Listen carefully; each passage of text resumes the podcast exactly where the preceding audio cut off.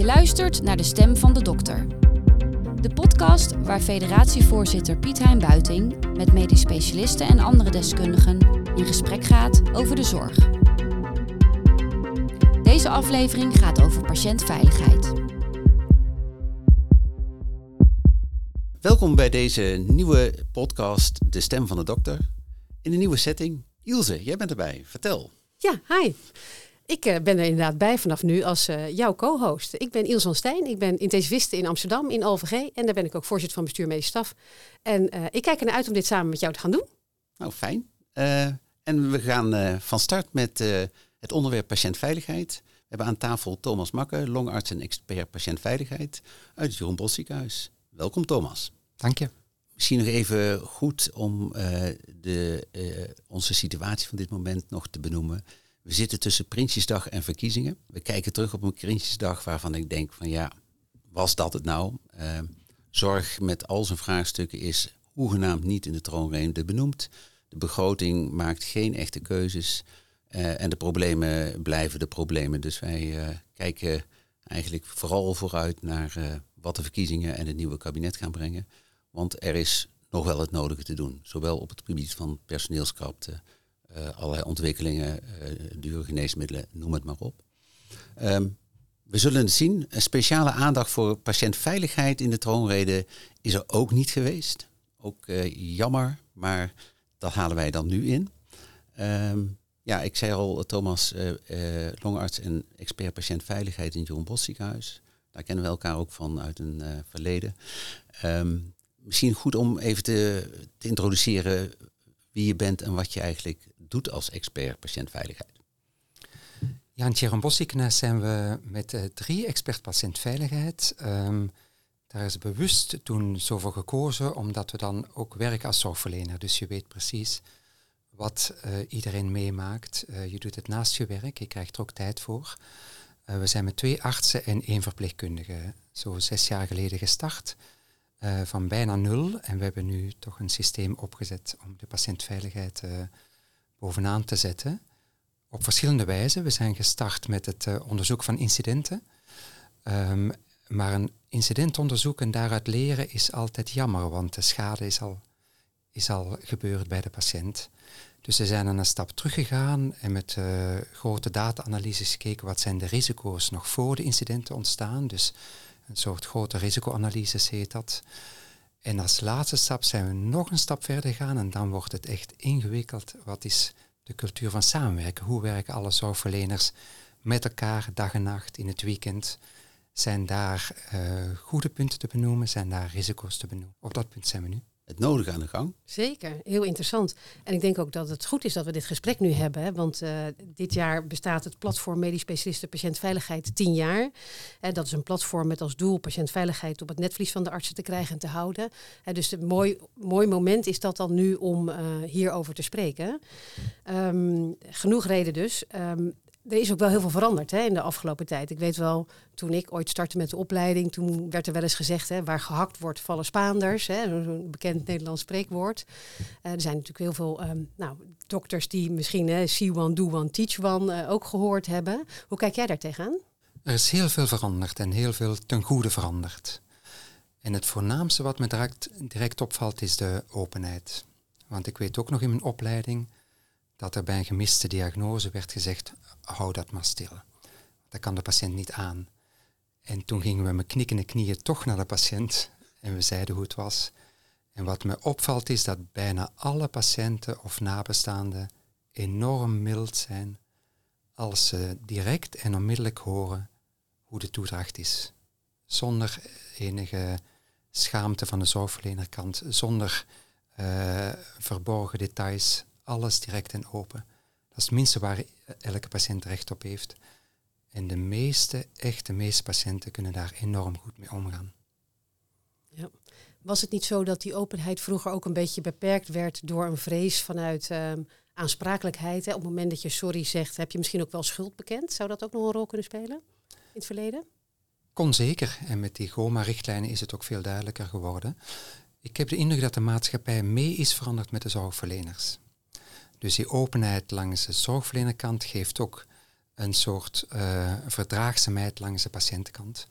Want iedereen beseft, wij zeker in de zorg, maar alle patiënten ook, zorg is een heel complexe omgeving. Daar is, uh, het is te vergelijken, niet te vergelijken met de luchtvaart. Want als de piloot denkt van nou, dit onweer vertrouw ik niet, dan blijft hij aan de grond. Maar het is eerder vergelijken met het weer. Er zijn te veel variabelen.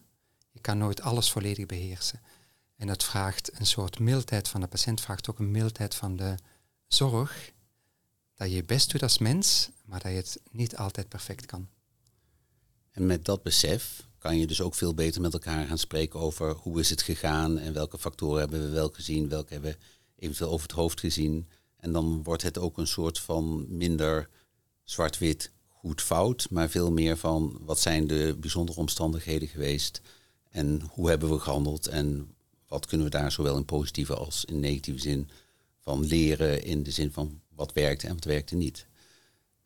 Ik denk dat een van de bijkomende factoren, ben wel benieuwd of jij dat ook zo ziet, is dat we daardoor ook zowel inhoudelijk als in de tijd veel korter op de bal zijn komen zitten, waardoor we ook veel meer kunnen reconstrueren wat er gebeurd is. Uh, herken je dat? Of is dat uh... Ja, het is soms bijna recherche. Hè? Het is uh, bijna opzoeken wat eigenlijk de primaire oorzaak was. En dan valt steeds op dat die oorzaak nooit één handeling bij één persoon is. Zelfs al is het op het eerste zicht heel duidelijk, er is een verkeerd medicijn toegediend, is het altijd veel complexer. Welke protocollen zijn er? Was het duidelijk? Waren het lookalikes, soundalikes? Uh, wat was de context? Was iemand heel druk? Uh, is het hoofd eerder vol met andere dingen? Werd er goed naar andere patiënten gekeken? Die context nemen we mee. En dan komt altijd het menselijke punt om de hoek kijken. Want uiteindelijk is het zo, we doen allemaal ons best in de zorg. We doen echt allemaal ons best.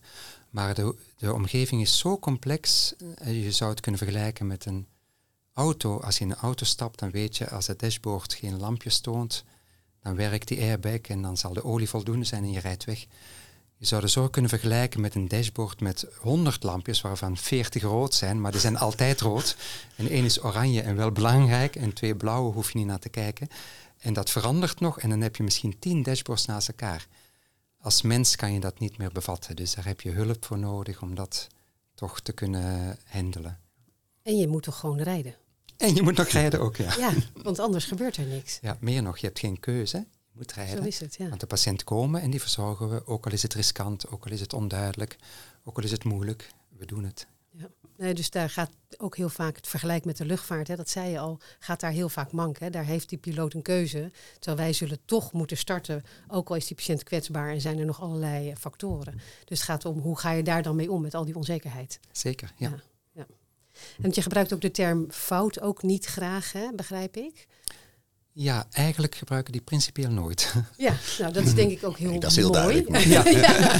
Het is lastig in het Engels, heb je ook andere termen. Um, wij gebruiken termen zoals uh, misser, gemiste diagnose, dwaling. Dwaling is een heel mooie term, want een dwaling is net zoals bij een rechter. Je hebt het goed geprobeerd, maar het is uh, anders uh, uitgepakt. En die termen dekken beter de lading en het geeft een heel verschil bij een onderzoek. Als je tegenover je collega's zorgverleners zit en niemand uh, vindt het fijn in zo'n gesprek te zitten, niemand uh, vindt, het, uh, vindt het fijn om zo'n uitkomst te hebben. Er zijn een heleboel slapeloze nachten, niet alleen bij de patiënten, maar ook bij de zorgverleners. En die woorden stralen ook een soort mildheid uit die terecht is. De intentie is goed. In het uh, Amerikaans literatuur heb je ook um, ris risico's durven nemen enerzijds en riskant gedrag, reckless behavior. Dat laatste hoef, moeten we niet hebben in de zorg. Dat is bijvoorbeeld de chirurg die zegt, informed consent hoef ik niks niet te doen, want uh, dat, dat, uh, dat gaat bij mij altijd goed. Dat is reckless behavior. Dat is een grens te ver. Maar risico's durven nemen hoort bij ons vak. En um, iemand die geen risico's zou durven nemen, zou ook geen goede zorgverlener zijn. Als je dit nou zo benoemt, hè, dan, dan laat je merken dat het een heel multifactorieel iets is. Uh, dat uh, je het veld echt op de een of andere manier moet overzien en leren kennen voordat je er iets zinnigs over kan zeggen. En dat je dan vervolgens ook nog heel veel zeg maar, schuivende panelen hebt waarbij je kan kijken van wat werkt wel, wat werkt niet, uh, wat kunnen we ervan leren enzovoort. Hoe, hoe maak je dat tot één aanpak? Want dit is eigenlijk te veel om te bevatten uh, bij die ene patiënt. En al helemaal als je dat dan als expert patiëntveiligheid in een ziekenhuis voor al die patiënten moet doen. Um, voor het onderzoeken hebben we daarom heel veel verschillende aanpakmogelijkheden. Want het is net zoals een uh, gereedschapkist. En als je een schroef hebt, is een hamer niet heel zinvol.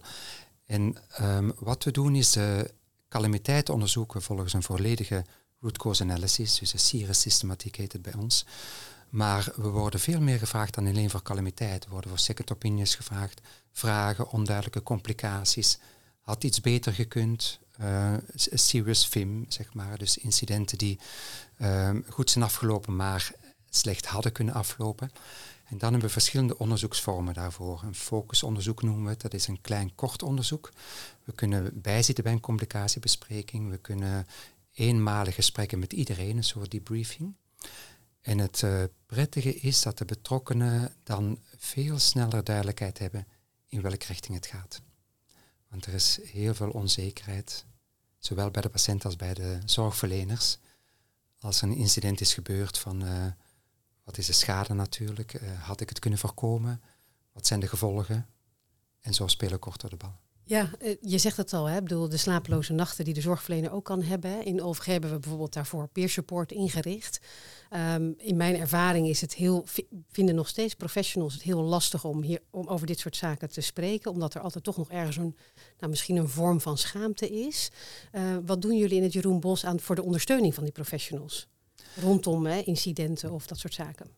Ja, peer support hebben we ook ingericht. Een heel mooie methode, um, omdat het gewoon collega's zijn hè, die ja. uh, elders werken. We proberen te matchen naar het uh, type functie. Dat het uh, ook begrijpelijk is voor degene die je, die je tegenover je hebt. Wat we in de praktijk zien, dat als we peer support voorstellen, is dat de meesten zeggen, mijn vakgroep heeft me goed opgevangen. En dat is ook heel mooi. We vragen echt dat alle klachten, complicaties, incidenten in de hele vakgroep worden besproken. En die openheid is er ook als we het zo zien. En dat is de mooiste opvang. Een collega die een hand om je schouder legt en zegt van kijk, het had mij ook kunnen gebeuren. En kan ik je ergens in steunen? Zie je, want je zei net even dat de maatschappelijke ontwikkeling van meer openheid, uh, zeg maar hand in hand gaat met de zorg. Zie je ook echt dat mensen die in zo'n situatie zijn, ja, een soort echte openheid hebben om het echt te onderzoeken? Is, neemt dat toe? Wordt dat, uh, ontwikkelt zich dat op die manier? De patiënten of de... De, de, de, de, zorgverleners. En met name juist in een situatie waarin er iets ja. anders is afgelopen dan bedoeld. Hè, een dwaling of wat dan ook. Uh, wat toch gewoon ook een emotionele uh, belevenis is die ook ja, gepaard kan gaan met, met, met bijvoorbeeld weerstand of ontkenning of dat soort zaken. Ja, we hebben de indruk dat die openheid uh, eerder een rust geeft dan de niet-openheid de grote onrust zou geven. Dus um, dat er een soort last van collega's afvalt als het kunnen vertellen. Bij incidentonderzoek heb je altijd natuurlijk het punt van de verborgen noemer. Hè. Je weet niet welke incidenten niet zijn gemeld en onder de radar zijn gebleven, dat weten we niet. We hebben andere methodes ervoor, zoals voor triggeronderzoek en gericht dataonderzoek, om te kijken of incidenten hadden moeten gerapporteerd worden. Maar onze indruk is echt dat die openheid eerder een steun is dan een barrière. Want heb je nog het idee dat er, jij bent heel enthousiast over patiëntveiligheid, je hebt er ook veel ervaring mee en, en kennis over. Uh, er zijn ook altijd mensen die toch wat meer, zeg maar, achter op de bagagedrager zitten en wat meer, nou, laat ik het maar tegenstribbelen noemen. Um, hoe bereik je die uh, medisch specialisten dan in het huis om hier actief mee aan de gang te gaan? Ja, dat hebben we een paar jaar geleden, um, is het ons opgevallen, precies wat je zegt. Dus je hebt voorlopers in die kwaliteit en die zijn er altijd en die zie je ook. Hè. En dan heb je ook uh, collega's die je kent en die je in de gang ziet en die je nooit ziet. En dat klopt dan niet helemaal. En toen zijn we begonnen met vakgroepgesprekken. En dat doen we bewust op het moment van de vakgroepvergadering. Dus het vraagt van ons wat uh, hangen en wurgen om uh, ons vrij te maken. Maar dan is iedereen er. En dat is een soort informeel overleg. Er worden geen uh, notules gemaakt voor de Raad van Bestuur. De Raad van Bestuur is uiteraard op de hoogte. Maar het is een gesprek over hoe je omgaat met kwaliteit, hoe je omgaat met je klachten, incidenten, waar je staat op de kwaliteitsladder, hoe ver je gaat. En dan zie je nog veel meer non-verbaal en verbaal. Je hebt de mensen op de punt van je stoel, je hebt mensen achteraan met de gekruiste handen, met een blik in de ogen van het zal wel, hè, of het zal mijn tijd wel duren. En het mooie is dat je na een tijdje toch met voorbeelden iedereen meekrijgt, maar vooral, en dat is een heel bijzondere dynamiek, dat uh, collega's elkaar zullen meenemen ten goede. Bijvoorbeeld bij het opvolgen van uitslagen vragen we om een bepaalde systemiek te volgen, om geen uitslagen te missen. En dan zie je toch uh, de achterste naar voren buigen en vragen, hoe doe je dat eigenlijk? Toon me dat eens.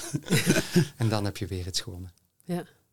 ja, want het is natuurlijk wel belangrijk dat mensen ook dat je als zorgprofessional tijd maakt voor kwaliteit, als het ware. Hè. Ik bedoel, in de, waan van de dag, in alle drukte, moet je hier ook wel bewust tijd voor maken. Hoe zorg je voor nou ja, dat besef dat dat er moet zijn? Hè? Dat het niet een, eh, een kwestie is van uh, check, hebben we ook weer gehad, hè? kwaliteit is weer uh, op de agenda geweest, maar dat het echt een doorleefd iets is. Ja, zeker. Want nu spreken we over de kwaliteit in wat enge zin van de negatieve veiligheid, hè, namelijk geen schade.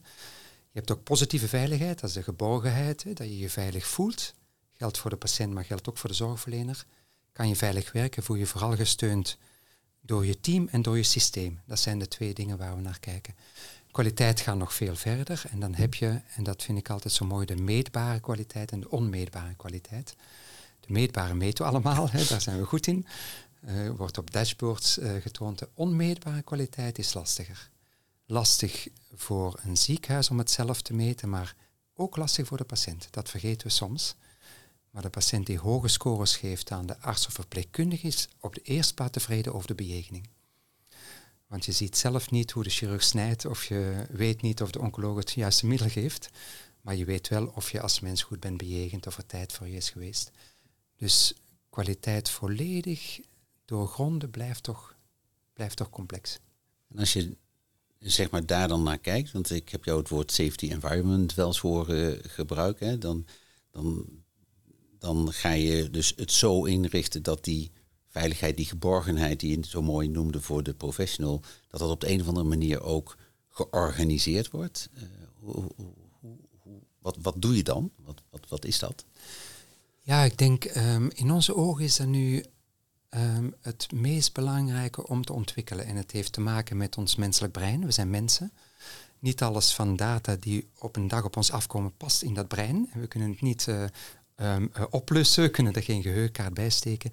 Dus we moeten ons doen met ons brein, wat niet alleen beperkt is, maar wat ook um, menselijk gebouwd is. Dat betekent dat we gevoelig zijn voor bias, hè, dus uh, gedachtenvervormingen, en dat hoort ook bij ons brein. Kunnen, ik ben ervan overtuigd dat je pas goed kan werken als zorgverlener als die omgeving rondom je helpt om je veilig te doen voelen. Heel eenvoudige voorbeelden zijn de onmogelijkheid om fouten te maken. Bijvoorbeeld, je kan perslucht niet inpluggen in, in de zuurstofstekker, want dat werkt gewoon niet, dat kan niet, dat is een andere vorm. En um, het meer complexe is een EPD maken wat veilig is. En daar is nog een wereld te winnen. Want bijvoorbeeld we onderzoeken een incident, er is een te hoge dosis geven van een bepaald medicijn. Waarom is dat mogelijk? Die dosis is nooit geïndiceerd, is onmogelijk, die kan nooit. Dus uh, dat systeem zou het niet mogen toelaten. Je EPD zou het niet mogen toelaten die do dosis te geven. En dan um, heb je ook bias, een, een, uh, uh, AI en een EPD, ICT heeft ook bias, maar gelukkig is het andere bias dan de mens.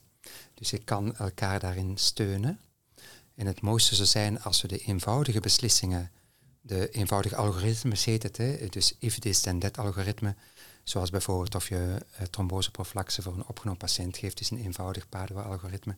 Daar kan de computer prima, hoeven wij niet over te denken. En als wij dan het creatieve denken kunnen doen en het samenwerken als mens, daar zijn we wel goed in. En als de computer waakt, onvermoeidbaar dag en nacht, 24-7, uh, zonder focus bias, zonder hindsight bias, dat zou echt een heel mooie omgeving zijn. En waarbij je dan eigenlijk zegt van techniek, digitale techniek en menselijk denken en samenwerken vormen dan samen een systeem dat meer checks en balances in zich heeft. Ja, dus dan is eigenlijk, um, word je omringd door een veilige omgeving. Dus um, safe design heet het dan heel eenvoudig van een gebouw kan je het uh, uh, goed indenken. Hè? Dus je moet geen trapje maken bij de demente patiënt of zo, anders vallen ze. Maar um, uh, op, op het gebied van je omgeving, je ICT-omgeving, hebben echt nood aan een volledig safe design. Ja. Er zit natuurlijk ook iets in een veilige omgeving, in het intermenselijke contact. Heb je daar ook ideeën over?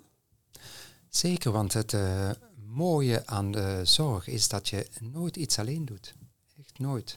Je bent altijd in een team, je hebt altijd samenwerking, je hebt altijd ofwel fysische nabijheid, ook s'nachts. Uh, het is nooit een lege gang, er loopt altijd wel iemand, iemand anders is aan het koffie drinken, iemand anders praat, iemand anders is bezig. Dus dat is het mooie en dat heb je werkelijk nodig. Hè? Dus uh, in de zorg moet je kunnen samenwerken. En gelukkig maar, want dat uh, geeft je ook inderdaad de veiligheid. Zie je bij Safety 2, dus de mens is geen risicofactor in de zorg, de mens is een veiligheidsfactor. Het zijn altijd mensen die zeggen, oh, dit, het protocol is wel zo, maar dit is beter nu. Dit past beter bij deze patiënt. Dat zijn mensen die dat doen. En gelukkig maar. En als je dat zo beschrijft, dan gaat het over de inhoudelijke kanten. Ik weet iets wat jij niet gezien hebt en dat zeg ik. Ik kan me ook voorstellen dat het intermenselijk ook wel eens wat moeilijker is als het gaat over ik zie jou iets doen of ik zie jou vermoeid zijn of, of ik zie eh, je afgeleid raken. Um, en dan is het wat moeilijker om dat naar voren te brengen, want dan, zeg je niet iets over de inhoud, maar ook over de ander. Hoe, hoe, hoe, doen jullie dat? Dat is een van de meest complexe dingen, denk ik. En dat is eigenlijk het samenwerken in de zorg. Um, en het, of het goed samenwerken in de zorg. Je moet elkaar kunnen aanspreken op een vriendelijke wijze. Het ene extreem is elkaar niet durven aanspreken, het andere is elkaar lomp aanspreken. Dus het moet ergens tussenin zijn, want we zijn allemaal gevoelig. Hè? Iedereen wil het goed doen, maar erg goed doen in de zorg. Niet gewoon goed, niet gemiddeld, maar erg goed. Terwijl de standaard is dat we als een redelijk bekwaam mens moeten handelen.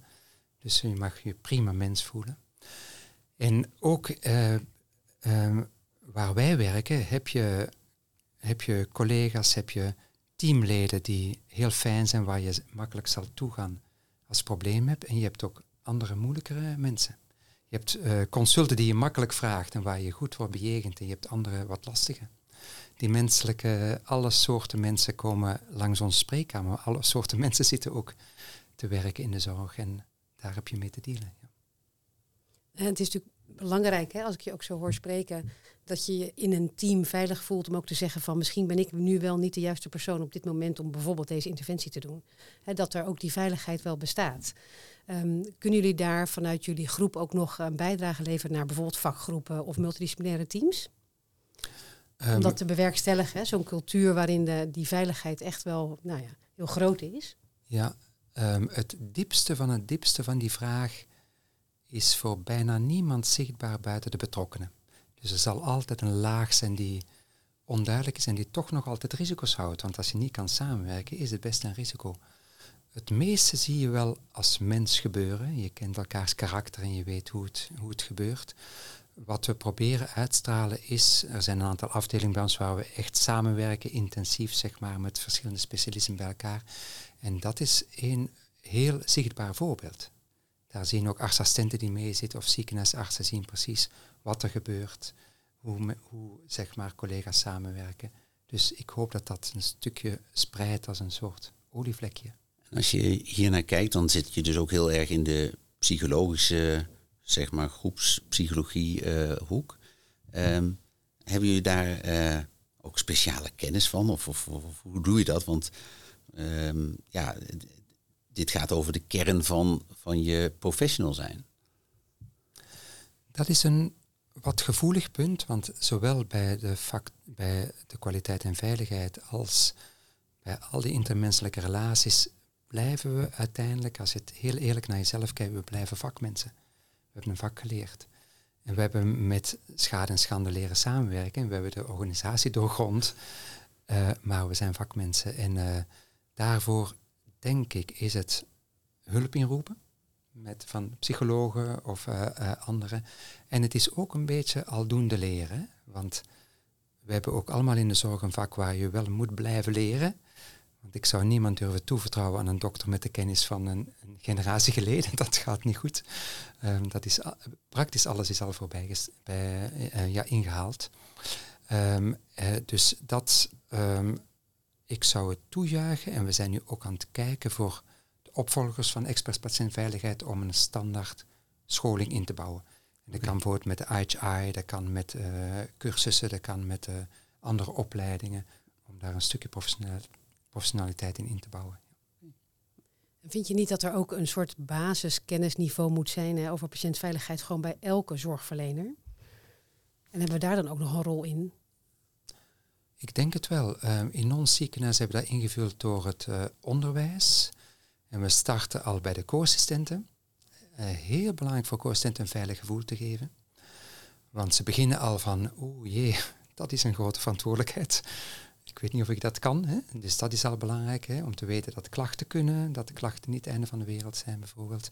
Dan geven we les aan de verpleegkundigen, de unithoofden, en we geven les aan de artsassistenten van alle disciplines door elkaar. En dat is wel een punt extra. Er zijn zeker beroepsgroepen die we minder goed bereiken, um, maar stap voor stap breiden we die scholing uit. En zie je ook dat nieuwe generaties jonge mensen daar anders in staan dan de vorige. Want wij komen allemaal uit de gevestigde groep, maar er is een aanstormende groep. Zie je daar verschillen?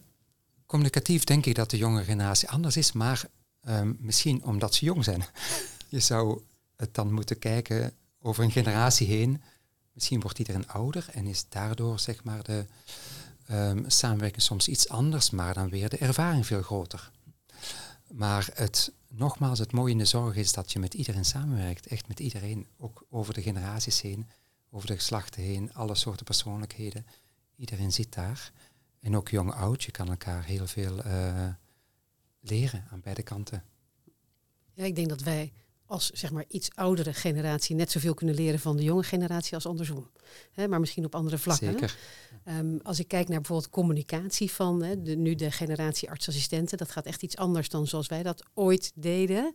Um, zie je daar ook verschillen in uh, als het gaat over nou ja, de, de, je moet een bepaalde mate van kwetsbaarheid hebben om uh, ook iets toe te geven als iets niet goed gegaan is. Hè? Niet alleen naar jezelf, naar je team, maar ook naar die patiënt.